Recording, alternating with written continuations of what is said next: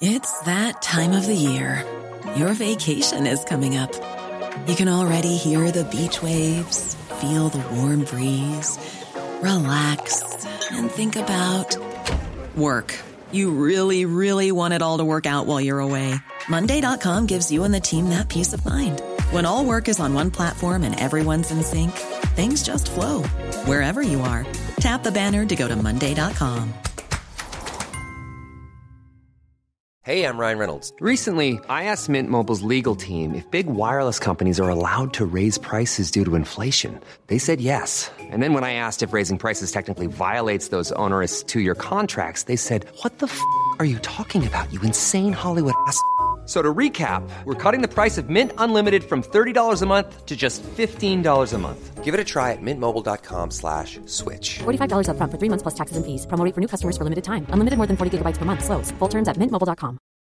Millions of people have lost weight with personalized plans from Noom, like Evan, who can't stand salads and still lost 50 pounds.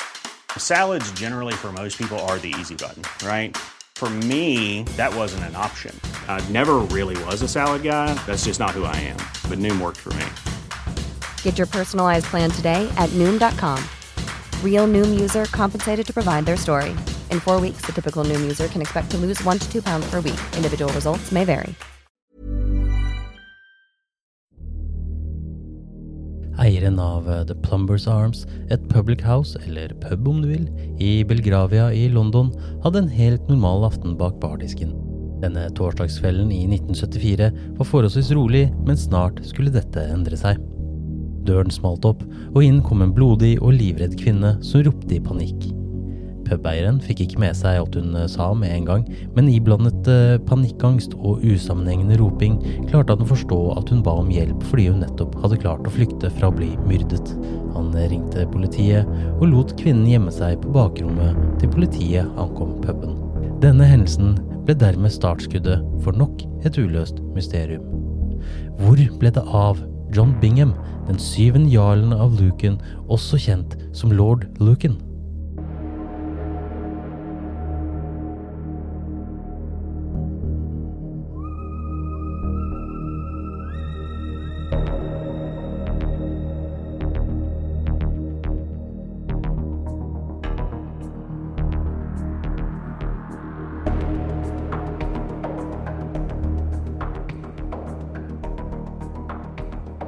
Hei, jeg heter Morten, og velkommen til en ny episode av eh, Uløste mysterier. Først og fremst eh, må jeg få takke alle gamle og nye lyttere for eh, støtte, og at dere faktisk hører på denne podkasten. Jeg titta på topplistene på Spotify på jakt etter en ny inspirerende pod, og la merke til at jeg hadde havnet på hundredeplass. Dette er jo forbi alt hva jeg hadde trodd jeg skulle greie å oppnå med denne podkasten, og jeg er evig takknemlig for at absolutt alle lytterne mine ønsker å høre på. Men eh, i dag skal jeg ikke kjede dere med så mye tomprat, så i stedet så hopper jeg rett inn i denne episodens mysterium. For å fortelle historien om eh, lord Lucan må jeg først begynne med en kvinne ved navn Sandra Eleanor Rivet. Sandra Rivet ble født den 16. september i 1945 i Basingstoke, Hampshire, og var det tredje barnet til Albert og Eunice Hensby. Da hun var eh, to år, flyttet familien fra Storbritannia til Australia, men returnerte til hjemlandet da Sandra var ti år gammel i 1955, og bosatte seg i Croydon, en drabantby i Sør-London. Sandra var et eh, nysgjerrig barn som likte å oppdage verden rundt seg, og hun klarte ikke helt å sitte stille, men måtte oppdage nye ting der det lot seg gjøre. På skolen var eh, Sandra en populær jente, til tross for at hun ikke var spesielt ekstrovert. Hun fremsto som intelligent, men utmerket seg ikke akademisk, selv om hun lærte fort. Det kan virke som om hennes logiske sans og måten hun tenkte på utenfor akademika, ikke gikk helt i hånd i hånd med skolen, noe karakteren hennes fikk lide for. Etter skolen kom hun ikke inn på universitetet for høyere utdannelse, noe som frustrerte henne. I stedet arbeidet hun et halvt år som frisørlærling i London, men valgte å slutte, og fikk i seg i stedet en jobb som sekretær i en bedrift i Croydon for å kunne bo hjemme og slippe den lange pendelveien inn til storbyen.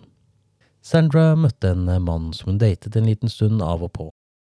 Hun falt nok for denne mannen, for da bruddet ble et faktum, gikk hun inn i en såpass dyp depresjon at hun la seg selv inn på et mentalsykehus i Redhill, Surrey for behandling. Hun klarte seg bra og ble skrevet ut, og snart møtte hun en mann med navn John.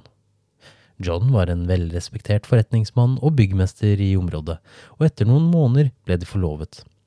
Sandra fikk seg en ny jobb rett etterpå som nanny for en lege i Croydon, og i 1963 oppdaget hun at hun var gravid.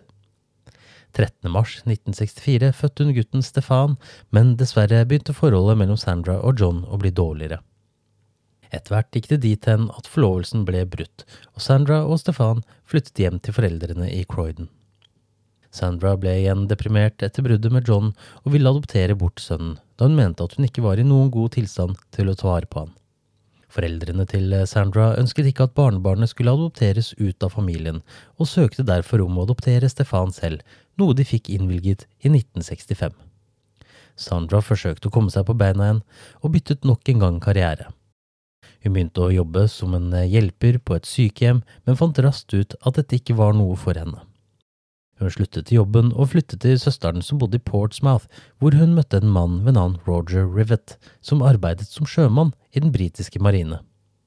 Den 10. juni 1967 ble Sandra og Roger gift i Croydon, og like etter tok Roger seg en jobb som laster for British Road Services. Sandra benyttet muligheten til å jobbe deltid og tok opp karrieren som hjelper på Reedham barnehjem i Perley. I 1973 tok Roger seg en jobb som sjømann igjen på et tankskip tilhørende Esso, og var borte i noen måneder av gangen, mens Sandra i mellomtiden hadde sluttet på barnehjemmet og startet et sigarettselskap i Croydon. All reisingen til Roger gjorde at forholdet surnet fort. Han ble mer og mer paranoid og mistenksom på at Sandra var utro eller på en annen måte illojal overfor han, noe han til slutt også anklaget henne for. Sandra nektet for dette, men Roger klarte aldri å slå seg helt til ro med forklaringen hennes, og i mai 1974 ble ekteparet skilt. Roger flyttet hjem til foreldrene sine, og Sandra ble nødt til å spe på inntektene som nanny hun la inn CV-en sin hos et byrå for hushjelpere i Belgravia i London, og veldig snart var det noen som hadde behov for hennes tjenester. Hennes første stilling var hos et eldre ektepar som bodde i Belgrave-distriktet, og her gjorde hun det så bra at hun ble spurt av John Bingham, den syvende jarlen av Luken, om å utføre hushjelps- og nannetjenester i hans private hjem. John eller lord Luken hadde tre barn, og kona hans, Veronica Duncan, eller bare lady Luken, trengte hjelp med barna på morgenen og kveldene. Sandra takket ja til jobben og ble raskt godt kjent med barna Frances, George og Camilla samt lady Lucan. Torsdag den 7. november 1974 var egentlig fridagen til Sandra, og vanligvis hadde hun date night med kjæresten sin, John Hanskins. Hun hadde byttet fridag av en grunn, og møtte han dagen før i stedet, men pratet med ham på telefon ca. klokken 20 denne kvelden, hvor inntrykket til Hanskins var at alt var som normalt. Det hadde ikke skjedd noe bemerkelsesverdig verken kvelden før etter de to skilte lag, eller denne dagen. Etter at Sandra hadde lagt barna rundt 2055, spurte hun Veronica om hun ønsket en kopp te. Hun takket ja, og Sandra gikk ned til kjøkkenet som ligger i husets kjeller for å gjøre i stand. Hun rakk knapt å fylle kjelen med vann før hun kjente en blendende smerte i bakhodet. Før hun klarte å innse hva som eh, skjedde, kom det nok flere slag fra, et bandasjert blyrør som ikke stoppet før Sandra lå urolig på gulvet mens livet sakte, men sikkert ebbet ut. Etter at eh, gjerningsmannen hadde forsikret seg om at Sandra faktisk var død, begynte vedkommende å putte henne i en postsekk. I mellomtiden begynte Veronica å lure på hva i alle dager det var som kunne gjøre at eh, det å lage te tok så lang tid. Hun bestemte seg for å gå ned for å se til Sandra. Hun stoppet ved toppen av kjellertrappa og ropte på Sandra uten å få svar. Like etter kjente hun den samme blendende smerten i bakhodet som Sandra antageligvis hadde følt da hun ble angrepet bakfra. Veronica kjempet imot og klarte å bite angriperen i fingrene før hun ble dyttet ned på gulvet med ansiktet først. Hun skrek og ropte om hjelp mens angriperen satte seg over henne, begynte å kvele henne og sa hold kjeft. Veronica klarte å få en arm fri, grep tak i testiklene på mannen som angrep henne, og mannen skrek og løsnet grepet. Og det er nå det dukker opp litt forskjellige forklaringer om hva som skjedde. I en forklaring forteller Veronica at hun hadde klart å komme seg fri fra angriperen og løpt ut av huset. I en annen forklaring hadde hun truffet på ektemannen i huset uten at det hadde vært noen voldeligheter. Veronica hadde spurt eh, Bingham, altså lord Lucan, om han visste hvor Sandra var, hvorpå han hadde innrømmet at han hadde drept henne. I denne forklaringen hadde hun sagt at eh, hun kunne hjelpe han med å flykte så fremt han kunne vente til skaden hennes hadde blitt leget, noe som virker noe rart, da denne forklaringen tilsa at det ikke hadde skjedd noe voldelig mellom Veronica og lord Lucan. Den endelige forklaringen var en slags blanding av de to foregående. I den sa Veronica at hun hadde kjent igjen stemmen til ektemannen da han ba henne holde kjeft mens hun ble kvalt. Etter at han hadde sluppet taket, hadde Veronica spurt om Sandra, og lord Lucan innrømmet at han hadde drept henne. Veronica ble enda mer livredd og sa derfor til lord Lucan at hun kunne hjelpe han med å flykte etter at skaden hennes var leget. Lord Lucan gikk opp i andre etasje først og ba datteren Frances om å legge seg, og gikk deretter inn på et av soverommene. Veronica kom inn etter på soverommet og skulle legge seg ned på sengen, men ble stoppet av lord Lucan. Hun måtte nemlig legge håndkleet på puten og sengen slik at de ikke fikk blodflekker på seg. Lord Lucan spurte så om hun hadde noen beroligende, noe hun bekreftet var på badet. Han gikk inn for å finne de, samt finne en våt klut slik at han kunne vaske bort blodet fra, hodet hennes. Og det var i dette øyeblikket Veronica kom på at han ikke ville høre henne stikke av mens han var på badet. Veronica løp ned trappen, ut døren og bort til Plumbers Arms, hvor pubeieren hadde en rolig kveld før kvinnen han kjente igjen som Lady Lucan kom løpende inn døren mens blodet rant fra hodet hennes. I senere avhør kunne han eh, fortelle at hun hadde ropt Barna mine, barna mine, han har drept nannyen min før hun forklarte at hun hadde klart å flykte fra noen som prøvde å myrde henne. Politiet kom etter hvert til puben og fikk høre Veronicas historie. Fikk ordnet en ambulanse til henne, slik at hun kom seg på St. George's uh, Hospital og dro så til lord og lady Lukens bolig. Luken var ikke lenger på stedet, og når de første politibetjentene kom til, til boligen, måtte de sparke inn hoveddøren. De la nesten umiddelbart merke til at det var veldig mye blod ved toppen av kjellertrappen, og på gulvet lå det et blyrør dekket av blod. Bilder i trappegangen hang skjevt, og metallrekkverket på trappen var skadet. Nederst i trappen fant de to kopper og en tallerken som lå i en blodpøl, og Sandras arm stakk ut fra en postsekk i en blodpøl som vokste sakte, men sikkert. Betjentene la også merke til at det var mørkt i bunnen av trappen og inn mot kjøkkenet. Lyspæren hadde blitt eh, tatt ut og lagt på en stol rett i nærheten. Senere fant de også blod på løv ute i hagen, men døren til kjøkkenet var også lukket og viste ingen tegn til å ha blitt brutt opp. Oppe på soverommet i andre etasje fant de det blodtrukne håndkledet Veronica hadde hvilt på, men hvor var barna? Det eneste jeg kunne finne ut eh, sikkert, var at barna hadde kommet uskadd fra hendelsen. Parets eldste datter kunne fortelle at faren, Bingham, på et tidspunkt hadde bedt henne om å legge seg, jeg har eh, ikke funnet uh, informasjon om at det var på stedet da politiet entret boligen, men det vi vet er at uh, lord Lucan ringte sin mor en gang mellom 22.30 og 23 og forklarte henne at det hadde skjedd en forferdelig katastrofe, og at hun måtte hente barna og ta dem med hjem til seg selv. Hvorvidt dette skjedde, eller om barna ble med i politiet, har jeg ikke funnet ut av.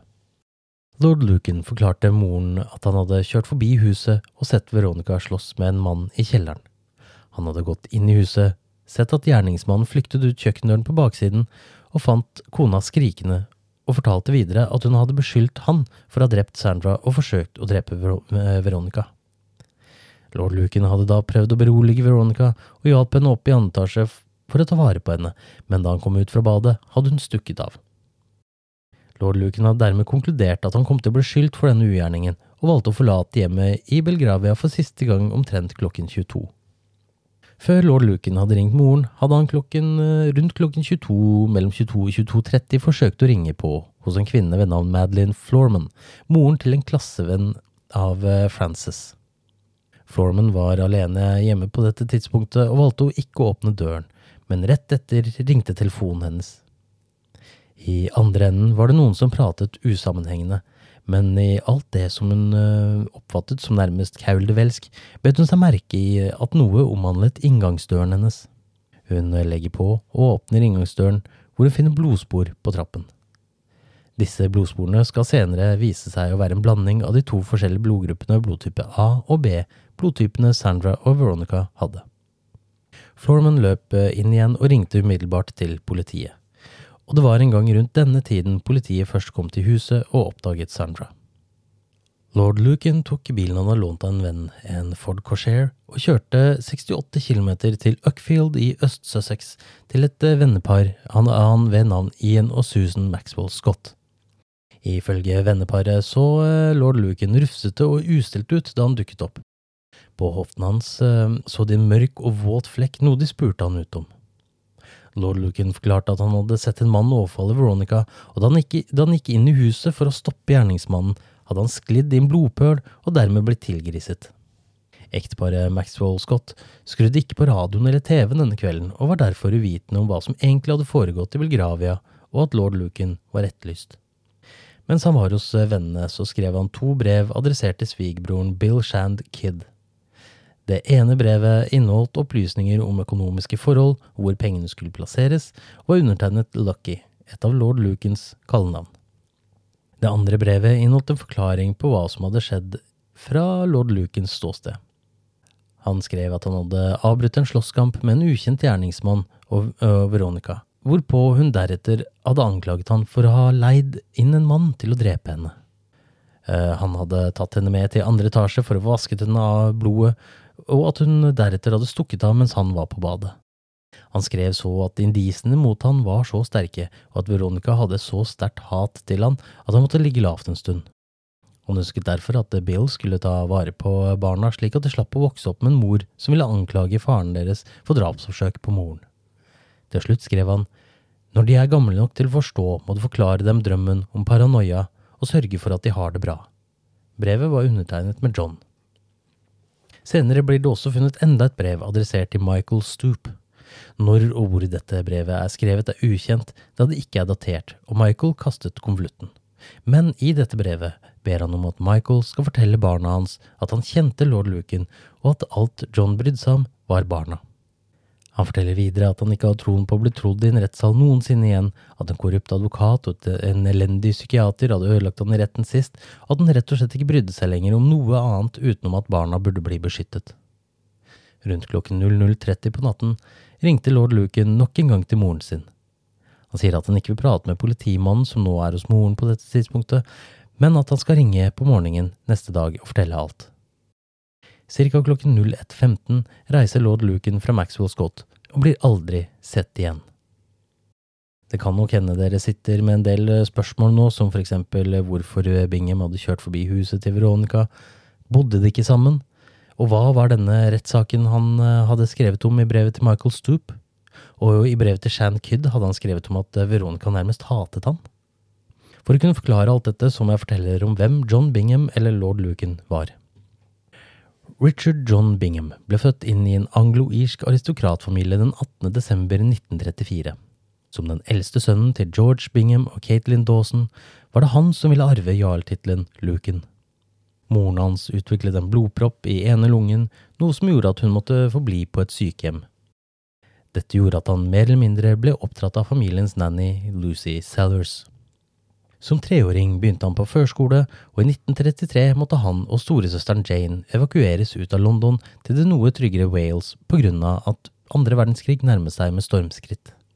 I 1940 reiste de fire Lucan-barna Jane, John, Sally og Hugh til Toronto i Canada og deretter til New York, hvor de bodde hos multimillionæren Marsha Brady Tucker de fem årene krigen varte. De levde i sus og dus og i en ren luksus, men da de kom tilbake til England i februar 1945, ble de møtt av den dystre realiteten av et Storbritannia i krig. Å ha tilgang til hva enn de måtte ønske, ble byttet ut med rasjonering, og det tidligere hjemmet deres hadde blitt bombet. Hjemmet de nå bodde i, hadde fått vinduene blåst ut av en bombe, og foreldrene av barna foretrakk en strengere og mer fornuftig livsstil enn den rike Tucker i New York. Etter krigen begynte han på Eton College, men led av mareritter fra den brå overgangen fra et liv i luksus til der han var nå. Han tjenestegjorde to år i det eldste regimentet i den britiske hæren, The Coldstream Guards, før han begynte å jobbe i handelsbanken William Brants Sons Co. i London. Eh, lord Bingham, som han eh, het på denne tiden, hadde fått smaken for gambling mens han gikk på Eton og spilte backgammon og bridge. Han drev med bookmakervirksomhet på skolen for å spe på lommepengene, og snek seg stadig ut av skolens områder for å spille på hest. Etter skolen spilte han på kasinoer i Deauville og eh, Monte Carlo, og ble med i en gruppe med rike britiske gamblere som ble kalt The Claremont Set, da de møttes på Claremont Club i det fasjonable Mayfair-distriktet for å spille. Claremont Club var eh, det første kasinoet i London i 1962, og medlemslistene var like fasjonable som strøket det lå i. Fem hertuger, fem markeser, nærmere 20 jarler og to statsråder var de originale medlemmene. I tillegg frekventerte medlemmer av de høyere sosietetskretser eh, klubben. Den kjente komikeren Peter Sellers, Eh, grunnleggeren av den britiske spesialstyrken SAS, David Sterling, og den britiske forfatteren og James Bonds far, Ian Fleming, var noen av medlemmene. På denne tiden skulle James Bond eh, gjøres om fra bok til film, og en av Sean Connerys konkurrenter til den ikoniske rollefiguren var ingen andre enn lord Bingham. Han var eh, kjent for sin eh, forholdsvis dyre smak og eksklusive interesser for raske båter og kjørte en Aston Martin mens han levde et playboy-liv, og han fikk kallenavnet Lucky og ble beskrevet som den perfekte gentleman. Han var tross alt nærmere 1,90 høy, mørk og kjekk, velkledd, utdannet hos Eton og kom fra en aristokratfamilie. Men det ble ingen rolle i James Bond for lord Bingham. Han hadde tidligere vært eh, på en audition for en rolle i filmen Woman Times Seven som en gamblende britisk aristokrat, men han fikk ikke rollen. Dette gjorde at han takket nei til det da Albert Broccoli, produsenten for flere James Bond-filmer, ville ha ham på audition. Han sluttet også i jobben i Handelsbanken for å bli en, bli en profesjonell gambler, etter at en kollega hadde blitt eh, forfremmet før han. Bingham hadde nettopp vunnet 26 000 pund i kortspillet Baccarat og sa hvorfor skal jeg jobbe i en bank når jeg kan tjene en årslønn på en, enkel, eh, på en enkelt kveld ved spillebordene? Tidlig i 1963 møtte, møtte, han Veronica Duncan på en eh, golfturnering i London, og allerede i november samme år giftet de seg. I 1964 døde faren til Bingham, og han arvet tittelen lord Lucan, men dette endret ingenting hos han. Han valgte å fortsette med gamblingen sin, og etter hvert som han tapte mer enn han eh, vant, så dro han eh, på seg mer og mer gjeld til tross for at han eide store verdier. Familieformuen ble sakte, men sikkert mindre, og gjelden vokste seg ditto stor. Veronica slet med depresjoner, og etter hver av fødslene fikk hun fødselsdepresjon. For dette fikk hun forskjellige typer antidepressiva, noe som igjen førte til at helsen hennes ble dårligere med årene. Lord Lucan prøvde å få henne innlagt på et mentalsykehus for behandling i 1971, men Veronica nektet. Paret bodde i hjemmet sitt i Belgravia frem til sent 1970. Ekteskapet hadde vaklet en stund, og nå hadde Veronica fått nok av ektmannens gambling, til tross for at hun selv brukte store summer på luksusklær og andre dyre luksusartikler. Lord Lucan hadde på sin side fått nok av Veronicas mentale utfordringer, og det hele kulminerte i et brudd i julen. Lord Lucan flyttet ut og inn i en eh, leilighet i nærheten, og etter en veldig sår og bitter barnefordelingssak ble det klart at Veronica skulle få full foreldre. Dette til tross for at eh, Veronica hadde forsøkt å finne tilbake til lord Lucan, men han hadde gjort det klart at det eneste han ønsket seg fra ekteskapet, var foreldreretten til barna. Det er også verdt å merke seg at dommeren i saken fikk vite at eh, lord Lucan hadde både slått Veronica og dyttet henne ned en trapp, noe som fikk han til å stille spørsmål som lorden ikke ønsket å svare på. Til slutt ble han rådet advokatene til å slippe saken og håpe på at dommeren fant for godt å gi delt foreldrerett, men på grunn av hvordan eh, lord Lucan hadde oppført seg gjennom eh, rettssaken, ga dommer Reece Veronica den fulle foreldreretten. Lord Lucan ble besatt på å få foreldreretten til barna tilbake. Han begynte å spionere på Veronica og tok opp telefonsamtalene de hadde. Han gikk eh, til flere leger på jakt etter eh, støtte om at Veronica hadde blitt gal og ikke lenger kunne ta vare på barna. Veronica hyret inn flere nannies, men lord Lucan nærmest terroriserte samtlige til de sluttet jobbene sine, inntil Sandra Rivet begynte i 1974.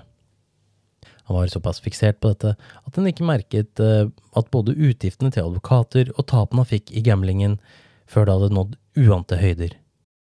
Dette må ha hatt en ganske så dramatisk effekt på livet til lord Lucan, og ikke minst må han ha kjent på det økonomiske stresset mens han innså at foreldreretten sakte, men sikkert ble mer og mer uoppnåelig. Lucky Lucan var nå alt annet enn heldig. Han begynte å prate åpent med nære venner og moren sin om å drepe Veronica, hvordan dette kunne hindre han i å bli fullstendig bankerott. Han fortalte villig om planene om å dumpe henne i sjøen, og hvordan han aldri kom til å bli tatt. Samtidig lånte han penger i øst og vest. Spillmanien hans tok helt overhånd, og han overtrakk konto etter konto, og et forsiktig anslag viste han at han hadde opparbeidet seg en spillegjeld på nærmere 50 000 pund bare mellom september og oktober i 1974. Ved dagens inflasjon tilsvarer det rundt 666 705 pund, eller litt over 9,1 millioner kroner, på én måned. Til tross for dette tydet eh, det på at ting gikk bedre for lord Luken i løpet av oktober. Han sluttet å prate om drapsfantasiene og pengeproblemene han hadde, og ville heller prate om politikk. Dagen før eh, drapet på Sandra hadde flere møtt uh, lord Luken, og samtlige syntes han virket ved godt mot. Han virket ikke bekymret eller deprimert, men var sitt vanlige jeg. Normalt sett ville han også stått opp nærmere lunsjtider siden han spilte på Clermont til langt på natt, men den 7. november hadde han stått opp tidlig og snakket med advokaten sin, tatt noen telefoner og laget avtaler utover dagen. Han møtte derimot ikke opp på noen av disse avtalene, og folk som kjente, kjente han og hadde oppholdt seg i området hvor han bodde, hadde ikke sett bilen hans noe sted. Rundt klokken 16 på ettermiddagen hadde han gått innom et par eh, apotek for å få identifisert en pille han hadde med seg. Dette var en pille av merket Limbitrol 5, et preparat for behandling av depresjon og angst, som var Veronicas lidelser på dette tidspunktet. Han hadde visstnok vært innom de samme apotekerne flere ganger for å få informasjon om forskjellige piller. Han møtte en venn hjemme hos seg selv rundt klokken 18.30, hvor han fikk hjelp til en artikkel om gambling som han skulle skrive for Oxford-universitetets magasin. Han kjørte deretter vennen hjem rundt klokken 20, og vennen merket seg at han ikke kjørte Mercedes-Benzen som han vanligvis kjørte, men en mer sliten Ford. Dette var da høyst sannsynligvis Ford Corsairen han ble observert i senere, og som han hadde lånt av Michael Stoop flere uker tidligere. Omtrent klokken 20.30 ringte han Claremont angående en middagsreservasjon han hadde, med noen venner sent på kvelden, nærmere klokken 23. Det neste man mistenker eh, lord Lucan eh, gjorde eh, etter dette, var å reise til Veronicas hjem, hvor han endte med å drepe Sandra Rivet og forsøkte å drepe Veronica. Politietterforskeren Roy Ranson ble satt på saken, og utover det de fant i huset til Veronica, undersøkte de også en bolig i Eaton Row hvor Bingham hadde flyttet eh, til i 1973. Her fant de ingenting unormalt, men de fikk tak i enda en adresse som moren mente han kunne oppholde seg i, Elizabeth Street 72A. De fant ingenting unormalt annet enn at det lå en dress og en skjorte på sengen. Ved siden av på nattbordet lå en bok om greske shippingmillionærer, lommeboken til lord Luken, bilnøkler, penger, førerkort, et lommetørkle og et par briller. I skuffen fant de passet hans, og på gaten utenfor fant de hans blå Mercedes-Benz parkert. De forsøkte å få start på den, men fant ut at batteriet var flatt. Politiet fokuserte ikke ene og alene på lord Lucan. Uh, Sandras tidligere ektemann Roger ble også etterforsket, men han hadde et alibi og ble raskt sjekket ut av saken. Det tok ikke lang tid før den eneste personen av interesse var lord Lucan, men han var som synket til jorden. Den 10. november ble Lucans eh, Ford Corsair funnet i New Haven omtrent 26 km fra Uckfield, der han sist ble sett av Maxwell Scott-paret. I bagasjerommet fant etterforskerne et blyrør som var dekket i en eh, slags sportsteip og en full flaske med vodka. Vitner eh, mente bilen hadde blitt parkert der tidlig på morgenen den 8. november, men ingen hadde sett hvem som kjørte den dit eller parkerte bilen. De undersøkte blyrøret, men kunne ikke konkludere med at det var skåret fra samme stykke som mordvåpenet. Men teipen som var surret rundt begge rørene, var lik. Men man kunne heller ikke konkludere sikkert med at det var fra samme teiprull. Brevene Kyd hadde mottatt, hadde blodflekker fra begge kvinnene på papiret, men brevet Stup hadde mottatt, hadde ikke noe spor av blod.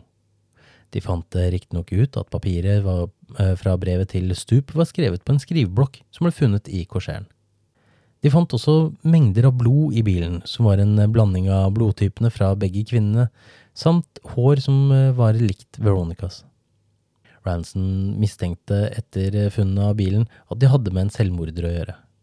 De forsøkte å søke gjennom området så godt det lot seg gjøre, men de fant ikke noe spor etter lord Lucan. De fant derimot skjelettrestene av en dommer som hadde forsvunnet flere år tidligere. Havnen i New Haven ble gjennomsøkt av politidykkere, og til tross for at de sendte ut etterlysninger av lord Luken i både Storbritannia og Interpol, hørte de ingenting. Den påfølgende rettssaken ble skittentøysvask med få sidestykker. Moren til lord Luken hyret inn advokater, men det var aktoratet som kalte inn hele 33 vitner som han avhørte grundig. Veronica slapp heller ikke unna. Hun ble spurt om hvordan forholdet og ekteskapet mellom lord og lady Luken egentlig var, hennes økonomiske situasjon og hvorfor hun hadde ansatt Sandra Rivet, og hendelsene kvelden Sandra ble drept. Også vitneforklaringen til datteren Frances ble lest opp. Hun fortalte at hun hadde våknet av skrikingen og deretter sett moren komme inn på rommet hennes med blod i ansiktet, før faren hennes kom inn og ba henne legge seg. Senere hadde hun hørt faren rope på moren før han kom inn på rommet til Frances og spurte hvor hun var. Da Frances sa at hun trodde moren hadde gått ut, forlot lord, Lucan huset raskt. Hun forklarte også at Sandra vanligvis ikke jobbet på torsdagskveldene, og at denne kvelden var et sjeldent unntak. Ved slutten av rettssaken kom juryen frem til at lord Lucan hadde myrdet Sandra Rivet, og han ble med det det første medlemmet av House of Lords som ble anklaget for mord siden 1760, da jarlen Lawrence Shirley ble hengt etter å ha drept en namsmann. Sandra Rivet ble kremert i Croydon krematorium den 18. desember i 1974. Veronica, lady Lucan, deltok ikke i bisettelsen. Hennes forklaring var at hun ikke ville opprøre familien ved å delta. Kretsen rundt lord Lucan var kritiske til etterforskningen og den påfølgende rettssaken.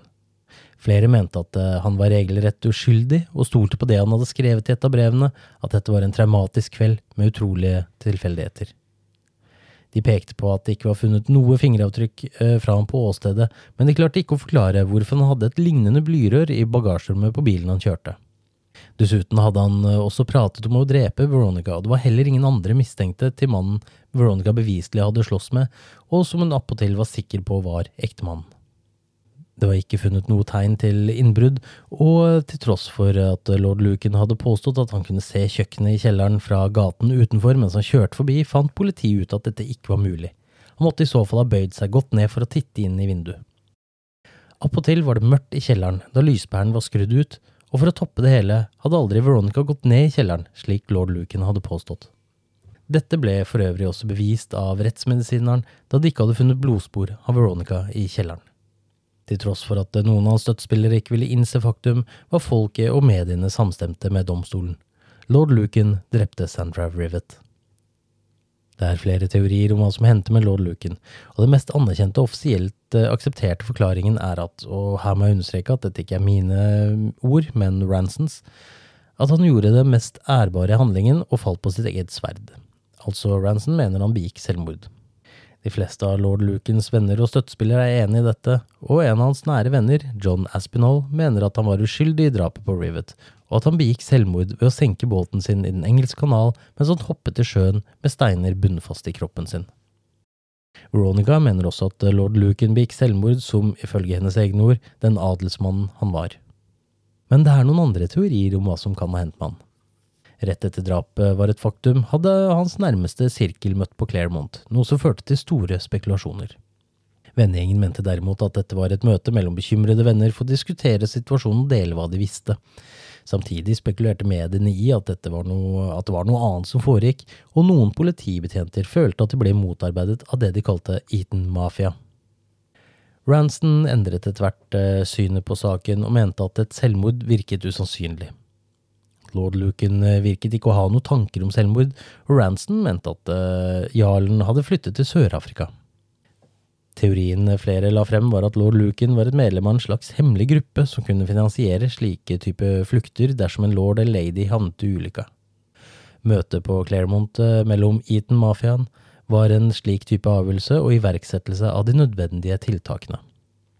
Susan Maxwell Scott var ganske nær ved å bekrefte noe av dette. Hun mente at lord Lucan hadde en slik finansiell backing, men at de som sto bak følte at det var for stor risiko å hjelpe han, og i stedet drepte de han og gravla han i Sveits. I årene etter at lord Lucan forsvant, har flere tusen sett ham rundt om i verden. Rett etter drapet ble han observert i utlandet, men det viste seg å være den britiske politikeren John Stonehouse, som for øvrig også hadde forsøkt å forfalske sin egen død. Stonehouse hadde lagt igjen klærne sine på en strand i Miami Beach, slik at det skulle se ut som han hadde druknet eller blitt tatt av hai på en svømmetur. Han ble antatt død, men i virkeligheten var han på vei til Australia for å starte et nytt liv med elskerinna og sekretæren sin, Sheila Buckley. En ansatt eh, i en bank varslet politiet da han merket eh, noe usammenhengende med store pengeoverføringer Stonehouse gjorde under navnet Clive Mildoon. Politiet begynte å overvåke han, og var bombesikker på at dette var lord Lucan, Men da de så at han leste aviser som også omhandlet eh, John Stonehouse, fikk de tilsendt eh, bilder fra begge to. De var fremdeles usikre, og da han ble pågrepet i desember 1974, måtte han dra ned buksene for å bevise hvem han var. Lord Luken hadde nemlig et seks tommer langt arr på innsiden av høyre lår. I juni året etter ble lord Luken sett i både Frankrike og Colombia, men i begge tilfeller var det bare uskyldige personer som lignet. I 1982 påsto dusørjegeren John Miller at han hadde fanget jarlen, men ble avslørt som en bløffmaker. I 2003 hadde en etterforsker hos Scotland Yard klart å spore opp det han mente var lord Lucan. Etterforskeren reiste helt til Goa i India og fant mannen, men det viste seg å være en visesanger fra Liverpool ved navn Barry Halpin, også kjent som Jungle Barry. Lord Lucan hadde altså ikke reist til Goa for å leve ut sine dager som en hippie. Det gikk også rykter om at barna hadde blitt sendt eh, til Gabon i Afrika på tidlig 80-tall for å være nærmere faren sin som levde i skjul, men George Bingham, den nåværende lord Lucan, har benektet eh, at dette i det hele tatt skjedde. Han kunne fortelle at verken han eller noen av søsknene noensinne hadde besøkt landet. Lord Lucan har blitt sett i Irland, Sør-Afrika, New Zealand, India, i outbacken i Australia, som backpacker på fjellet Etna og til og med i en koloni for eksnazister i Paraguay. På New Zealand mente naboene til en mann ved navn Roger Woodgate at dette måtte være den flyktige lorden. Han hadde en dialekt som minnet om britisk overklasse og lignet veldig på lord Lucan. Og i tillegg så hadde han en pungrotte til kjæledyr og en geit som het Camilla. Hva det hadde med lord Lucan å gjøre, det vet ikke jeg. Woodgate nekter jo selvsagt for at uh, han er eh, lord Lucan, og påpeker at uh, ikke bare er han kortere enn lorden, men han er også ti år yngre. Et medlem av Claremont Set, Philip Mark, sier at uh, en av lord Lukens beste venner, Stephen Raphael, fortalte hva som hadde skjedd en gang på 80-tallet. Flere av hans nærme, nære venner hadde møtt han og fortalt tydelig hvor landet lå. De sa at det var grusomt, det som hadde skjedd, men at han tross alt var en morder. Han hadde planlagt å ta livet av kona i ren desperasjon for å få foreldreretten til barna, men nå sto han fremfor 30 år i en fengselscelle. De påpekte at uten en dødsattest ville det ta minst syv år før eh, boet ble skiftet, noe som ville gi barna og familien tid til å få orden i sakene. Lord Lucan hadde deretter fått en ladd pistol, og han gikk deretter inn på et eget rom og skjøt seg selv. John Aspinall og et par andre i spillegjengen hadde så tatt med den døde kroppen til en zoologisk hage som han eide, og matet uh, kroppen hans til en tiger ved navn Sora. Den siste observasjonen av det som uh, blir sagt å være lord Lucan, skjedde i Australia i 2020, hvor Sandra Rivets sønn Neil Bar Berryman har hentet uh, inn bistand fra professor Hassan Ugail for å få hjelp med ansiktsgjenkjenning. Professor Ugail har tidligere jobbet med myndighetene for å identifisere de mistenkte i Salisbury-saken, hvor Sergej og Julia Skripal ble forgiftet av russiske agenter, og drapssaken på journalisten Jamal Khashoggi, som ble myrdet i den saudiarabiske ambassaden i Istanbul, samt uh, søket etter den nazistiske krigsforbryteren Stanislav Sjranovskij. Hugail har eh, sammenlignet tre bilder av personen Berryman mistenker er lord Luken, og mener at algoritmene i den matematiske formelen han bruker, tilsier at det er stor sannsynlighet for at dette er samme mann. Ut ifra hva algoritmene tidligere har bevist, trengs det en sannsynlighetsprosent på 75% Ifølge Ugail var den laveste scoren på 76% og den høyeste på 88 Ingenting er derimot bevist, og det kan hende at dette bare er en uskyldig mann som ligner veldig på lord Lucan. Richard John Bingham, bedre kjent som lord Lucan, ble erklært død av britiske myndigheter i 1999, men sønnen George Bingham fikk ikke arvet tittelen før i 2016. Det var også en grunn til at familien ventet lenge med å be om at han skulle bli erklært død. Så lenge lord Lucan ikke var erklært død, slapp familien å betale arveavgiften. Hadde de måttet gjøre det, så hadde det medført at Lukin-familien ikke hadde hatt råd til å sørge for at barna fikk en god utdannelse. Siden barna bare var fire, sju og ti år, hadde ikke familien noe hastverk. Veronica Duncan, lady Lukin, tok sitt eget liv den 26. september 2017, 80 år gammel, i det samme hjemmet Sandra hadde blitt drept og lord Lukin overfalt henne med en cocktail av forskjellige piller og alkohol etter å ha feilaktig selvdiagnosert seg selv med Parkinsons. På dette tidspunktet hadde hun ikke snakket med søsteren sin eller barna sine siden midten av 80-tallet. Hun etterlot hele sin formue til veldedighet. At lord Lucan drepte Sandra Rivet er det i grunn liten tvil om, til tross for at det er litt motstående påstander. Han kjente til rutinene til både Sandra og Veronica, så det er nok ikke usannsynlig at han først trodde han drepte ektefellen i den mørke kjelleren. Da han innså at han hadde tatt feil, gikk han trolig opp for å lete etter Veronica. Da hun ropte på Sandra fra toppen av kjellertrappen, gikk lord Lucan til angrep. Hvorfor han stoppet og endret taktikk slik han gjorde, er det ingen som vet. Eller kan det ha vært en annen person som begikk udåden, men at lord Lucan sto bak det hele? Eller var det faktisk slik han sa, at han hadde kjørt forbi og fått med seg hva som skjedde, gikk inn i boligen for så å bli uskyldig anklaget for både drap og drapsforsøk? Det største spørsmålet gjenstår fremdeles. Hvor ble det av lord Lucan? Hvorvidt han eh, flyktet til utlandet ved hjelp av rike venner, eller om han begikk selvmord tidlig i november, er det ingen som vet sikkert. Hvordan han forsvant er fremdeles et uløst mysterium, men som en bisarr tvist på hele saken kunne flere medier avsløre i 2022 at politiet hadde funnet tre kort fra spillet Cluedo i bilen han kjørte. I Cluedo skal man løse et mord i et hus, og etter hvert som man bruker elimineringsmetoden, vil man sitte igjen med tre kort. Én mistenkt, åstedet og drapsvåpenet. Kortene de fant i bilen, var Colonel Mustard, en eh, adelsmann med bart som den mistenkte. Åstedet var gangen, og drapsvåpenet var blyrøret. Jeg heter Morten, og takk for at du har hørt på Uløste mysterier. Vi høres.